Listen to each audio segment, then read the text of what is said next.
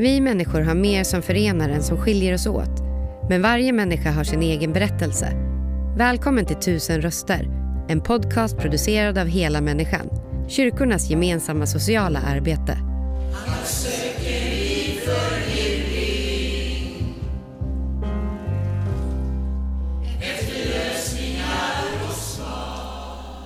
Ja, då är vi hos Hela Människans verksamhet här i Falköping och jag sitter tillsammans med Dick Ring som är 34 år. Dick har ju varit med tidigare i podden tillsammans med sin flickvän Rafaela. Hur är läget med dig? Jo, det är, det är helt okej. Det är helt okej faktiskt. Ja, Ja. du dök upp här på Hela Människans verksamhet idag och eh, Mm. Käkade lite frukost och, Ja. och nu eh, alldeles nyss lite lunch också. Mm. Hur är det att komma hit? Eh, jo, det är väl skönt. eh, Alltså så, för jag åker ju till Skövde varje dag då, som att jag har eh, LARO-programmet, eh, medicin. För att jag har gått på heroin eh, tidigare så har jag ju haft eh, Subutex i 11 år. Och i att jag får åka dagligen och hämta den då. Så ja, när jag kommer tillbaka då brukar jag gå hit, käka frukost och så ta några ord med och Jenny då, som även är min övervakare just nu. Mm. Så därför eh, då tar jag några ord med henne varje dag och så ja, käkar lite och sådär. Och Mm. träffar lite folk, bara lite det här sociala. Mm. Liksom. Jenny Jakobsson arbetar ju som eh, verksamhetschef här på Ja. Hela Människans Ja. verksamhet. Hon, Mm. eh, det blivit jättebra sen hon eh, började här tycker jag. Så därför valde jag henne, frågade henne för hon ville vara min övervakare efter jag kom ut här. Så hon eh, ville det så att det, det var perfekt. Mm. Vi har jättebra kontakt och så. Mm. Ja, se- sen du var med i podden sist, ungefär ett år sedan lite drygt, Mm. så har du hunnit med att sitta inne en kort tag. Ja. Hur var det? Ja, det var ju första voltan så att eh, det, det var väldigt jobbigt faktiskt i början. Men eh, som jag säger att man, man anpassar ju sig till slut, alltså dit man kommer. Så första veckorna var jobbiga men sen anpassar man sig och då vet man liksom, men det går inte att tänka liksom eh, jobbiga, på jobbiga grejer. Man får, eh, man får stänga av vissa grejer för att orka vara kvar, eller orka vara där inne liksom. Och kunna må, må hyfsat bra där. Är det tufft liksom där? Ja, det, det är tufft. Men, eh, men på automatik så... Ja. Jag har ju suttit på LVM och sånt tidigare också. Då, det är samma sak där. Liksom, det är innanför eh, galler så att man... eh, Man, an, man anpassar sig efter ett tag. Men liksom komma in på... På just på... På en anstalt så. Det var ju, det är nytt för var ju nytt för mig. Men det är en helt annan ruljans där inne. Det är gängbildningar och det är liksom... Eh, det är mycket bråk och tjafs och sånt där liksom. Och, så det, ja, jag försökte hålla mig väldigt neutral i början och ja, blev faktiskt eh, bra, bra emottagen på, det, på den avdelningen jag hamnade. Utav eh, en kille där som liksom tog emot mig bra och visade runt mig och se till om det är någonting och liksom såna här grejer. Så det, det, det är att man måste visa respekt mot varandra. Men sen är det ju väldigt, väldigt mycket ja, grupperingar. Som sagt. Men eh, jag, jag hamnade på den avdelningen som eh, faktiskt de flesta tyckte var bäst. För vi där var överens om att vi vill ha det lugnt och, och städat och inte massa jävla tjafs och skit liksom. Mm. Utan eh, så det, det blev, det, vi var en bra grupp där. Jag satt ju, för jag, jag hade ju fotboja först då, jag fick fotboja.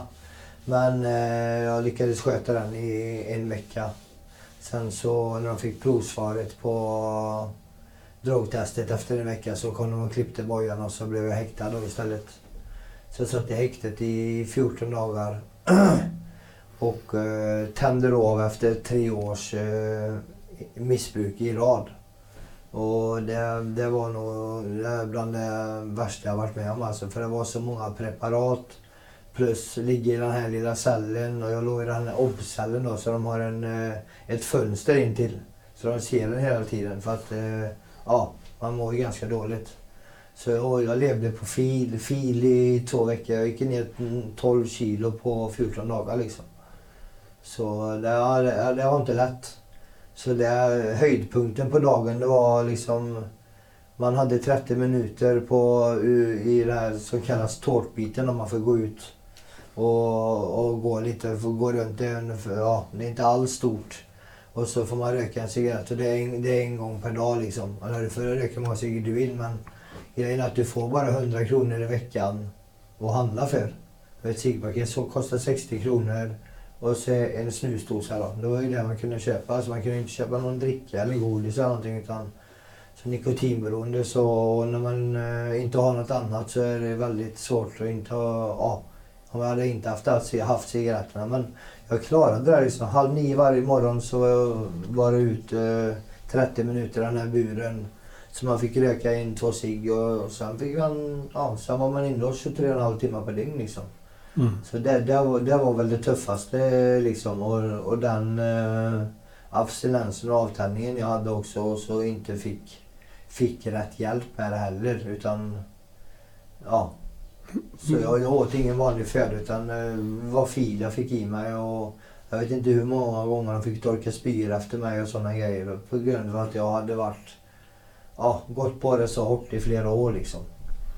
Så det, det, det, var verkligen en ja. utmaning och det var första gången jag var häktad också. Jag har suttit anhållen förut men första gången jag var häktad och 23,5 timmar på 7 kvadrat det är ganska jobbigt. Men, det kan jag tänka mig. Ja, så att man hade, hade jag inte haft en TV där inne så hade man ju blivit galen alltså. Men tillhör det här vanligheten att man inte testar eller trappar ner? Ja, det, det gör ju tyvärr De vet ju, de såg ju, jag var ju positiv på fem eller sex preparat. Och det enda de gjorde det var höjde, höjde en sån här, som jag kallar psykofarmaka medicin. Som heter Quetapin då, bara för att man ska sova lite bättre. De höjde den med 50 milligram. Liksom, det, det, det hjälpte mig ingenting. Och, men eh, de vill inte ge mig någon nedtrappning och det hör verkligen till vanligheterna. Och det jobbigaste var också den här obcellen då som man får sitta i eh, när, när, man är alltså i sånt eh, abstinensläge. Eh, för många, många år sedan, så det var med till och med i TV4-nyheterna.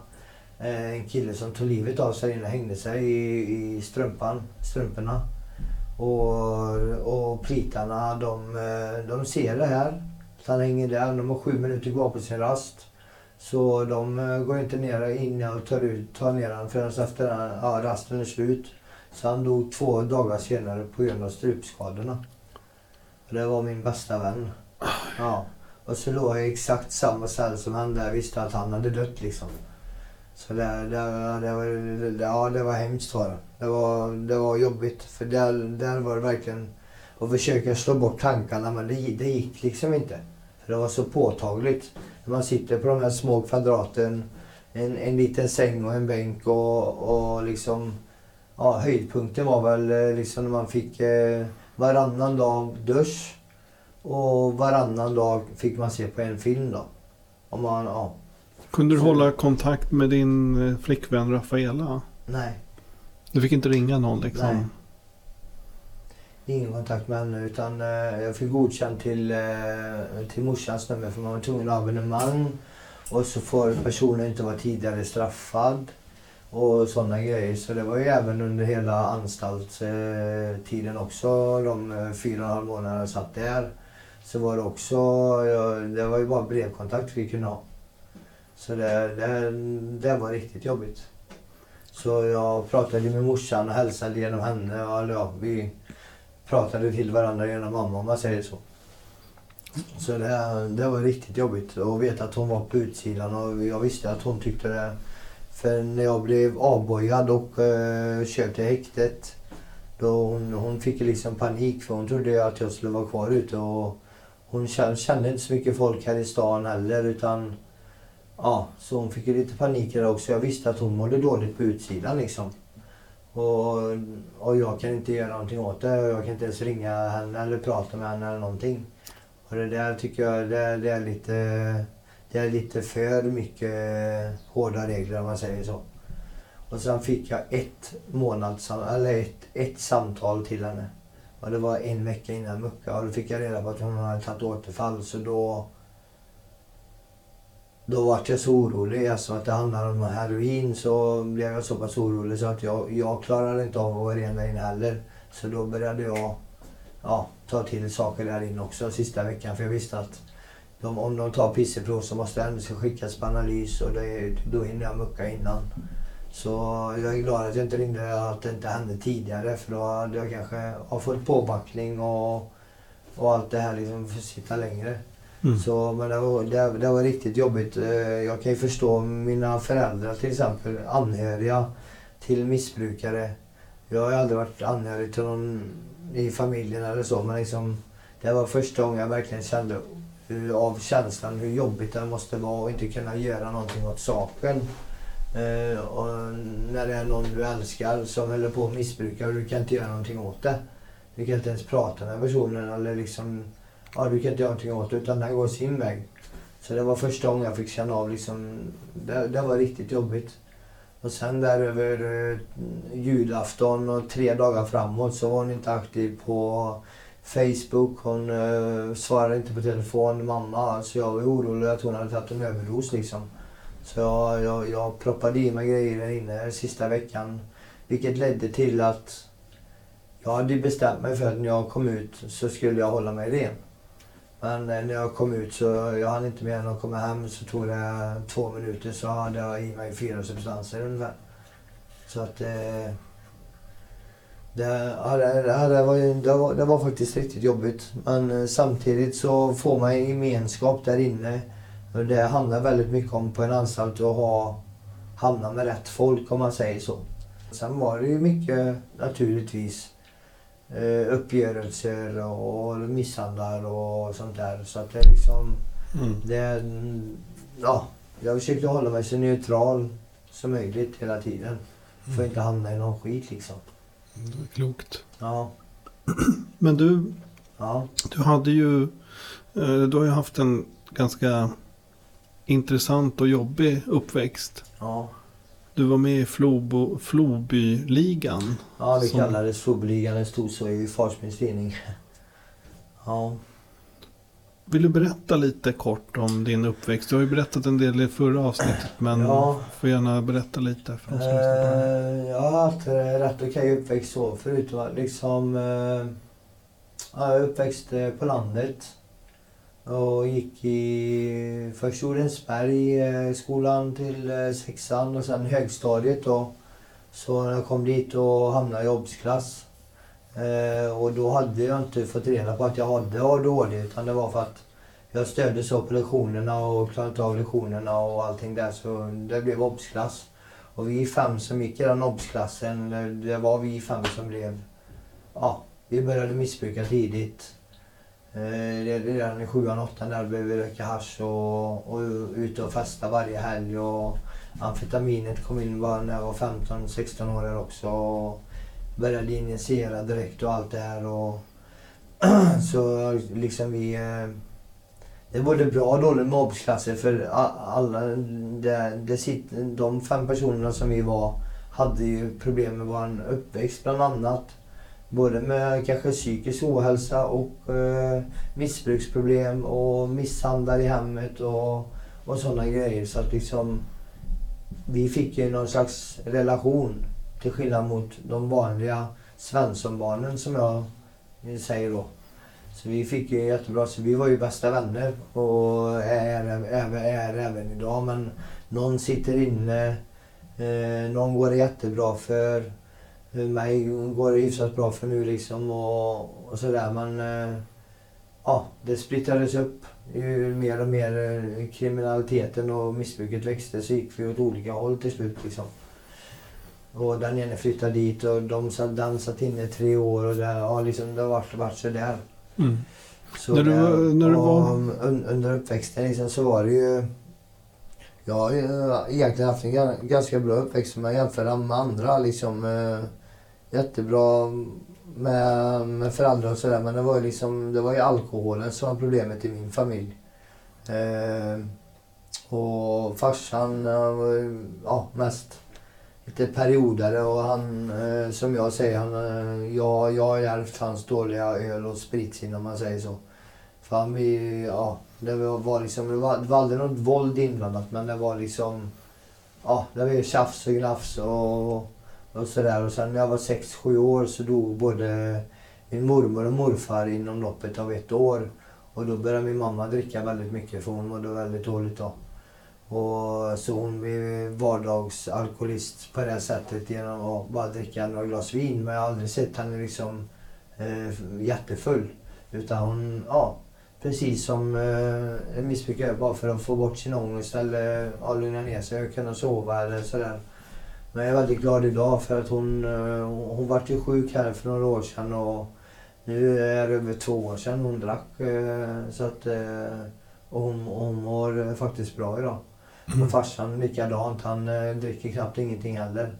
Utan det var liksom under uppväxten där som det, var, det vart jobbigt och då blev det mer naturligt för mig att ja, alltså att de drack och det här.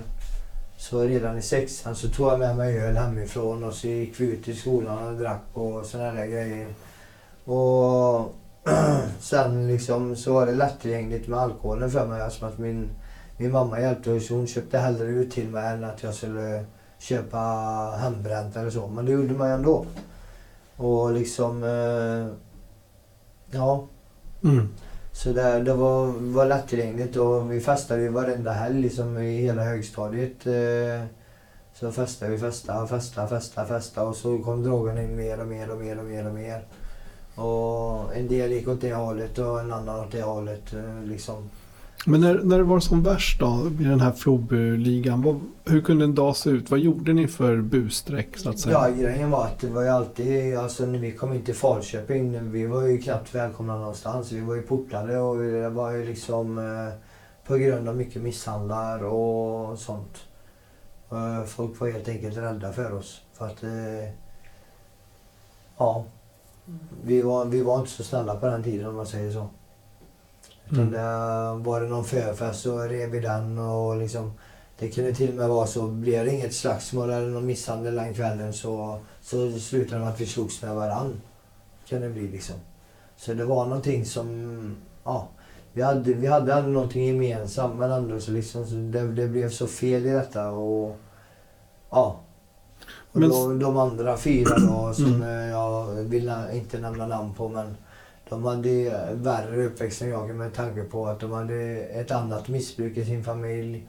Och mamman blev misshandlad där och ja, liksom sådana där grejer. Så det, det har jag liksom aldrig varit med om i min uppväxt. Våld och sånt. Så det, det är jag väldigt glad över.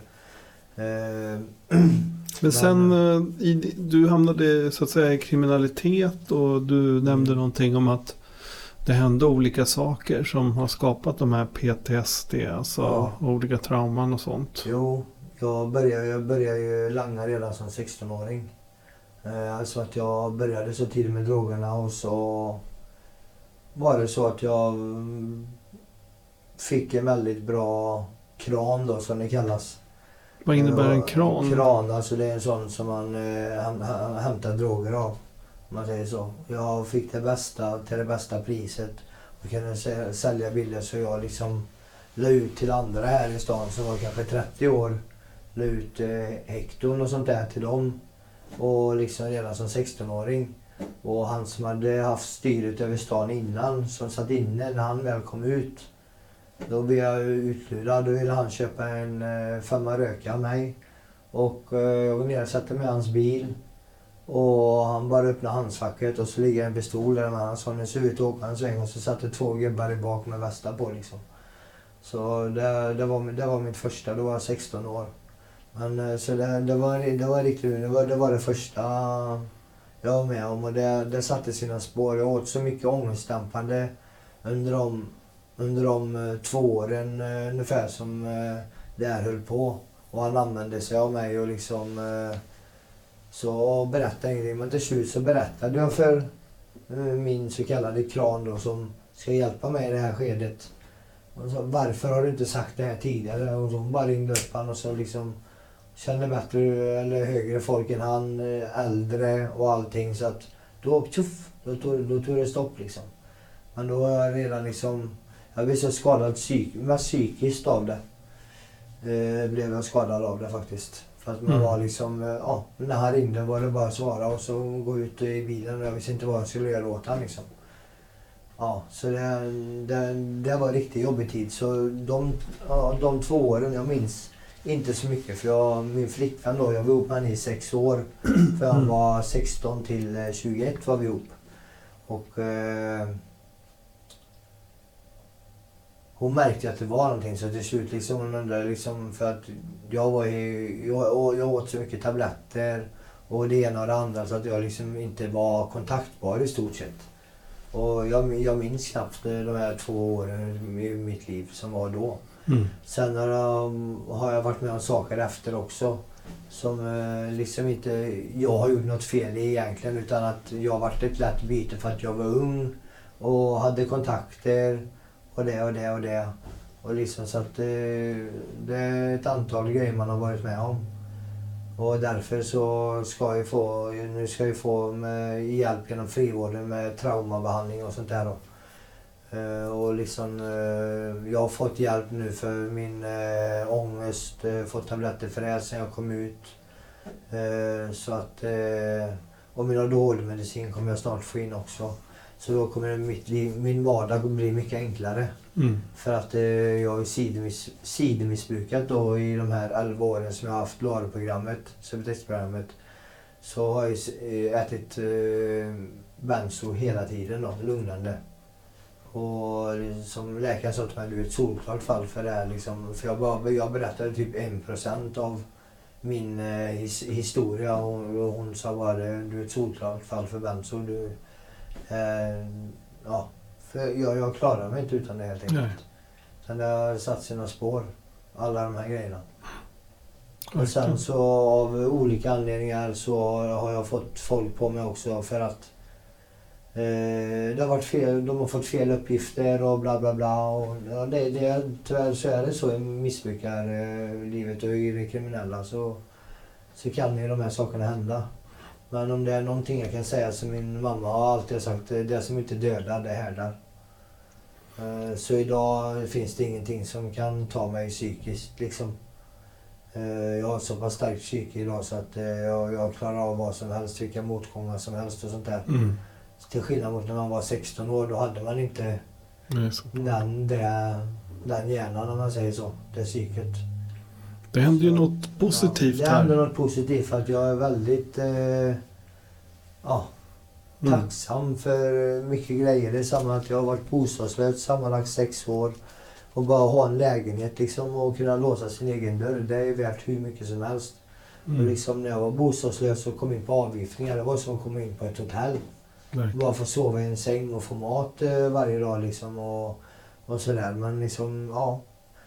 Jag har ju missbrukat i 20 år nu och jag, jag tog som sagt återfall när jag kom ut men efter några månader så bröt jag när eh, läkaren sa du, du får eh, tillbaka din, din lugnande medicin och sånt där bara du blir Mm. ren liksom. Du och eh, din flickvän Rafaela, ni är ju båda just nu ja, i princip Ja, ja. Ja, ja, nyktra eller rena. Hur känns det? Det är ju kanske typ första gången Det, på... det är första gången vi är det samtidigt. Mm. Och det, för grejen var att efter jag kom ut så var det väldigt upp och ner mellan oss. Alltså att jag, jag, jag ville försöka hålla mig drogfri och hon eh, var väldigt långt inne i missbruket. Och jag gjorde tvärtom för att få mina mediciner istället så att jag slapp missbruka. Och ha det på recept istället liksom. Så när hon väl eh, åkte iväg eh, för att få hjälp så, så vi har varit eh, drogfria lika länge ungefär nu. Mm. Fyra, fem månader. Du har ju Så- hunnit eh, fria till henne också. Ja, det gjorde jag faktiskt. När jag, när jag satt inne då, då fick jag verkligen en tankeställare liksom att eh, man har varit kär och så va. Men eh, liksom där när jag, när jag satt på anstalten då eh, jag, jag, jag kan inte tänka mig ett liv utan henne överhuvudtaget. Utan liksom, eh, hon, är, hon är min ängel eh, i mitt liv. Eller hon hon eh, har varit moroten till att jag till och med har velat leva kvar i det här livet. Eh, leva livet överhuvudtaget. Så idag har vi en jättefin kontakt eh, via, via telefon och så men eh, vi har en jättefin kontakt och och grejen var att eh, då, då när jag satt, jag bara kände det liksom, jag, jag kan inte leva utan henne. Utan eh, det, det är hon, eh, jag har aldrig upplevt en sån förälskelse. Och vi har ändå varit ihop i fyra år liksom. Så att eh, någonstans en nyförälskelse är en sak. Då är allting dunder och brak. Och i, I några månader sen så avtar det. Men för mig har det varit tvärtom, det växer. Och jag älskar henne mer och mer för varje dag liksom. Och, och nu när vi är drogfria samtidigt, då är det klart. Då förstår vi varandra på ett bättre sätt. Då blir det inte massa missförstånd och hit och dit. Och, och sånt där och bråk och sånt där. Så liksom de här fyra månaderna hon har varit borta nu och jag har varit hemma här och jag har jobbat på mitt håll så har vi haft en jättefin kontakt. Och, men eh, jag friade henne samma dag som jag muckade. Så bjöd ut henne på restaurang och vi åt lite fint och drack lite vin och så friade jag till henne och hon, sa ja då och liksom allt det här. Sen, sen så rann det, rann det ut lite i sanden kan man säga för att hon gick ännu mer in i missbruket och jag valde att gå ur missbruket. Så, men nu är vi, nu är vi där vi är så att eh, jag inte, jag får väl fria en gång till helt enkelt och hoppas på samma svar. Det tycker Men jag. äh, grejen är att vi, vi vet att eh, vi, jag vet i alla fall att jag vill leva med henne resten av livet och grejen är att hade inte hon funnits i mitt liv så tror jag inte jag hade levt om jag ska vara ärlig. För mycket tack vare henne, hade jag inte haft henne i livet så hade jag inte kämpat så som jag har gjort. Eh, Så det är, det är skillnad på att vara förälskad och förälskad alltså. Det är, det är jättestor skillnad. Jag kan inte tänka mig ett liv utan henne bara. Det går inte. Mm. Om du fick drömma framåt, Ja. säg fem år. Mm. Hur kan livet se ut för dig och Rafaela då? Ja, eh, förhoppningsvis att hon eh, speciellt har fått hem sina barn. Hon har ju två barn då som hon inte har eh, någon, något umgänge med just nu. Utan det är det hon håller på att kämpa för nu då. Och det, det tar ju tid. All, allting har sin tid liksom. Och så om jag får drömma så, så är det att vi, vi ska ja, inte bo kvar i den här staden i alla fall. Det har jag bestämt mig för. Det kommer inte gå liksom, för jag kommer att vara stämplad resten av livet. Så ja, vi vill, vill bo ute på landet eller någonstans där och ha lite, ja, någon, någon stuga, något hus och odla lite grönsaker och du vet. Bara, det här var ett, vanligt, ett, ett helt vanligt liv liksom. Och så, så, såklart så vill jag själv vara barn men liksom eh, jag nöjer mig lätt med två bonusbarn också. Så det, jag hoppas verkligen att det kommer gå jättebra för henne och att hon kommer få umgänge med sina barn nu igen. Och det, det, är, ju, det är ju på gång liksom. Alltså att hon, hon kämpar ju verkligen nu alltså. Mm. Så om fem år så hoppas jag att vi bor ihop och hon har fått hem sina barn och jag har jobb och hon har jobb och liksom hela det här. Ett, vanligt Svenssonliv är jag ute efter helt enkelt. Mm. Ja, och bli en del av samhället igen. Mm. Och som sagt eh, kunna hjälpa så som jag hade velat bli hjälpt när jag var ungdom. Eller 13-14 där när det började bli. Det är väl typ vad jag skulle vilja jobba med i stort sett. Eh, ungdomar. Du har ju träffat och- ungdomar här på skolan här. Ja. Från eh, Oliversgymnasiet här i Falköping. Eh, omvårdnadsklasser två, tre, tredje, tredje året då. Så efter eh, förra podden då som vi gjorde.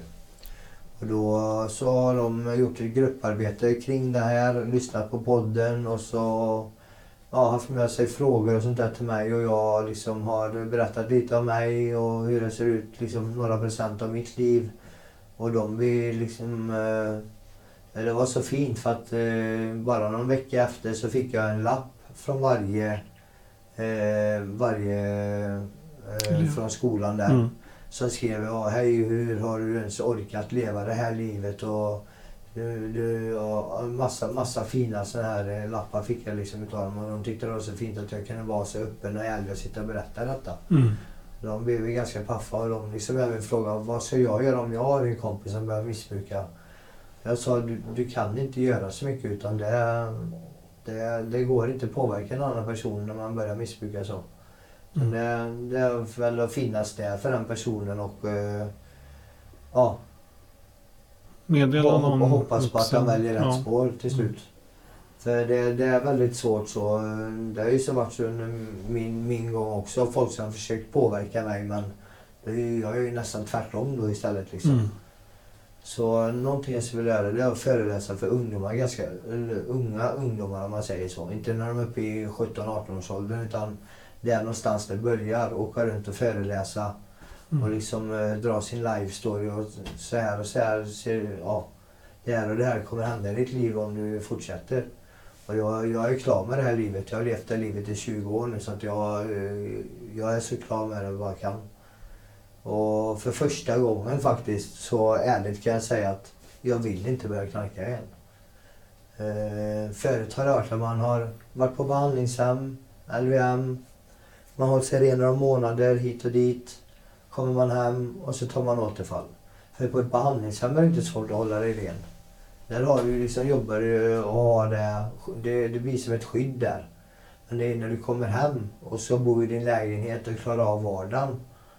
Eh, när, du har 24 timmar över, som du, de 24 timmarna du har lagt på att få ihop pengar till droger och, och ut och vara kriminell och allting det här. Så har du helt plötsligt 24 timmar över. Så jag är jätteglad nu då som att jag jobbade i snickeriet på, på anstalten. Och därifrån så fick jag intyg och, lite referenser om eh, maskinlära, materiallära och ritningslära. Och en eh, person här eh, i, Falköping, eh, Kristina Jumeus, har hjälpt mig med fonder för mina tänder då, för de är ju helt förstörda efter de här 20 åren om man säger så. Så jag, jag har påbörjat behandling för mina tänder och så få titanimplantat och allt det här. Och när jag, jag tog upp det här med henne att jag skulle söka till Orden snickeri. Och då säger hon, jag känner ägaren. Så det är bara att säga till när du är, när du är redo liksom, så åker vi ut och pratar med dem så får du in en fot där bara så. Så, så kan jag få ett jobb där Mm. liksom. Vore En, en fantastiskt. praktik till att börja med och så visa framfötterna och så... Ja. För som tyvärr var så under tiden, de första månaderna jag missbrukade, när jag, efter jag hade muckat, så åkte jag naturligtvis fast. Eh, Och hade husan, två husrannsakan och har en rättegång som väntar i januari. och, eh, men frivården har jag skött eh, prickfritt och allting det här och eh, varit ren de här antal månaderna nu och fortsätter jobba på detta. Så innan rättegången så vill jag liksom ha igång att jag har jobb, mina mediciner, inget sidomissbruk eller någonting. Så Mm. att eh, de istället för att de vill sätta mig på en anstalt så tjänar de ju på att jag är ute och jobbar och betalar skatt istället. För Mm. liksom det är ju flera tusen per dygn per, eh, per fånge som det kostar. Faktiskt. Ja, men de, de pengarna Ja. kan man använda bättre. Verkligen. Så jag hade en rättegång precis när jag kom ut, fick en dom då. Och där la, där la de in i ja, den skyddstillsynen eh, som jag fick då. Och sen åkte jag fast två gånger till så den eh, rättegången och jag har delen kvar sen jag satt. Så, men eh, min, eh, min kontaktperson på frivården har sagt att hon vill ha kvar mig på utsidan för att, eftersom att det går så bra för mig. För det Mm. blir ju att backa. Om, jag liksom, om det går så bra för mig, jag har med, rätt mediciner och jag har börjat jobba. Och då säger de liksom att nej, nu ska du in på, på en anstalt här i sex månader till exempel. Då, Mm. då, då går, backar man ganska mycket. Mm. Och, Verkligen. Så jag hoppas verkligen, eh, för hon, hon, hon, hon vill i yttrandet också skriva liksom att eh, hon, vill ha kvar mig ute så länge jag, för jag, jag har skött mig prickfritt. Varit på varenda möte och allt det här och, och framförallt den här öppen och ärligheten som jag har med både LARO-mottagningen och frivården. Är det någonting som jag har gjort fel så säger, säger jag det liksom. Mm. Och det, det uppskattas istället för att sitta och ljuga för att eh, ärlig, ärligheten varar längst liksom. Det är så. Mm. Och det Så. kan man säga att du verkligen har varit i båda de här poddarna som Ja. har varit med. Ärlighet. Och Ja. vi har fått en inblick i hur det har varit lite grann efter den här senaste intervjun och vad som är på gång här framöver. ja. Eh, fantastiskt att höra att det går åt rätt håll. Ja. Och eh, vi kan ju säga det att du har ju eh, såklart innan pratat med Rafaela och ja. fått godkännande och Ja. berätta om hennes historia. Ja. Eh, och jag vill avslutningsvis säga stort tack för att du var med och berättade återigen om hur det går i ditt liv. Tack så mycket. Ja, det var väl kanske att jag behövde hamna på en anstalt för att tänka efter. Man hade ett par månader där att tänka efter. Är det det här livet jag vill leva liksom? Så det, det, det var både bra och dåligt med att få sitta inne. Om man säger så. För att Mm. efter jag kom ut och ville- var bara kände att jag vill inte leva ett sånt här liv och åka in och ut på kåkan liksom. Det, det, det, det är inte sånt liv jag vill leva. Så det, det, var, det var ju något positivt med att sitta inne i alla fall. Mm. Tack så mycket Ja. att du var med och dela. Ja, tack så mycket själv. Tack för att du lyssnat. Intervjun gjordes av Daniel Ryderholm och musiken framfördes av Gatans röster. För att hitta fler avsnitt och ta reda på hur du kan engagera dig besök helamänniskan.se volontär.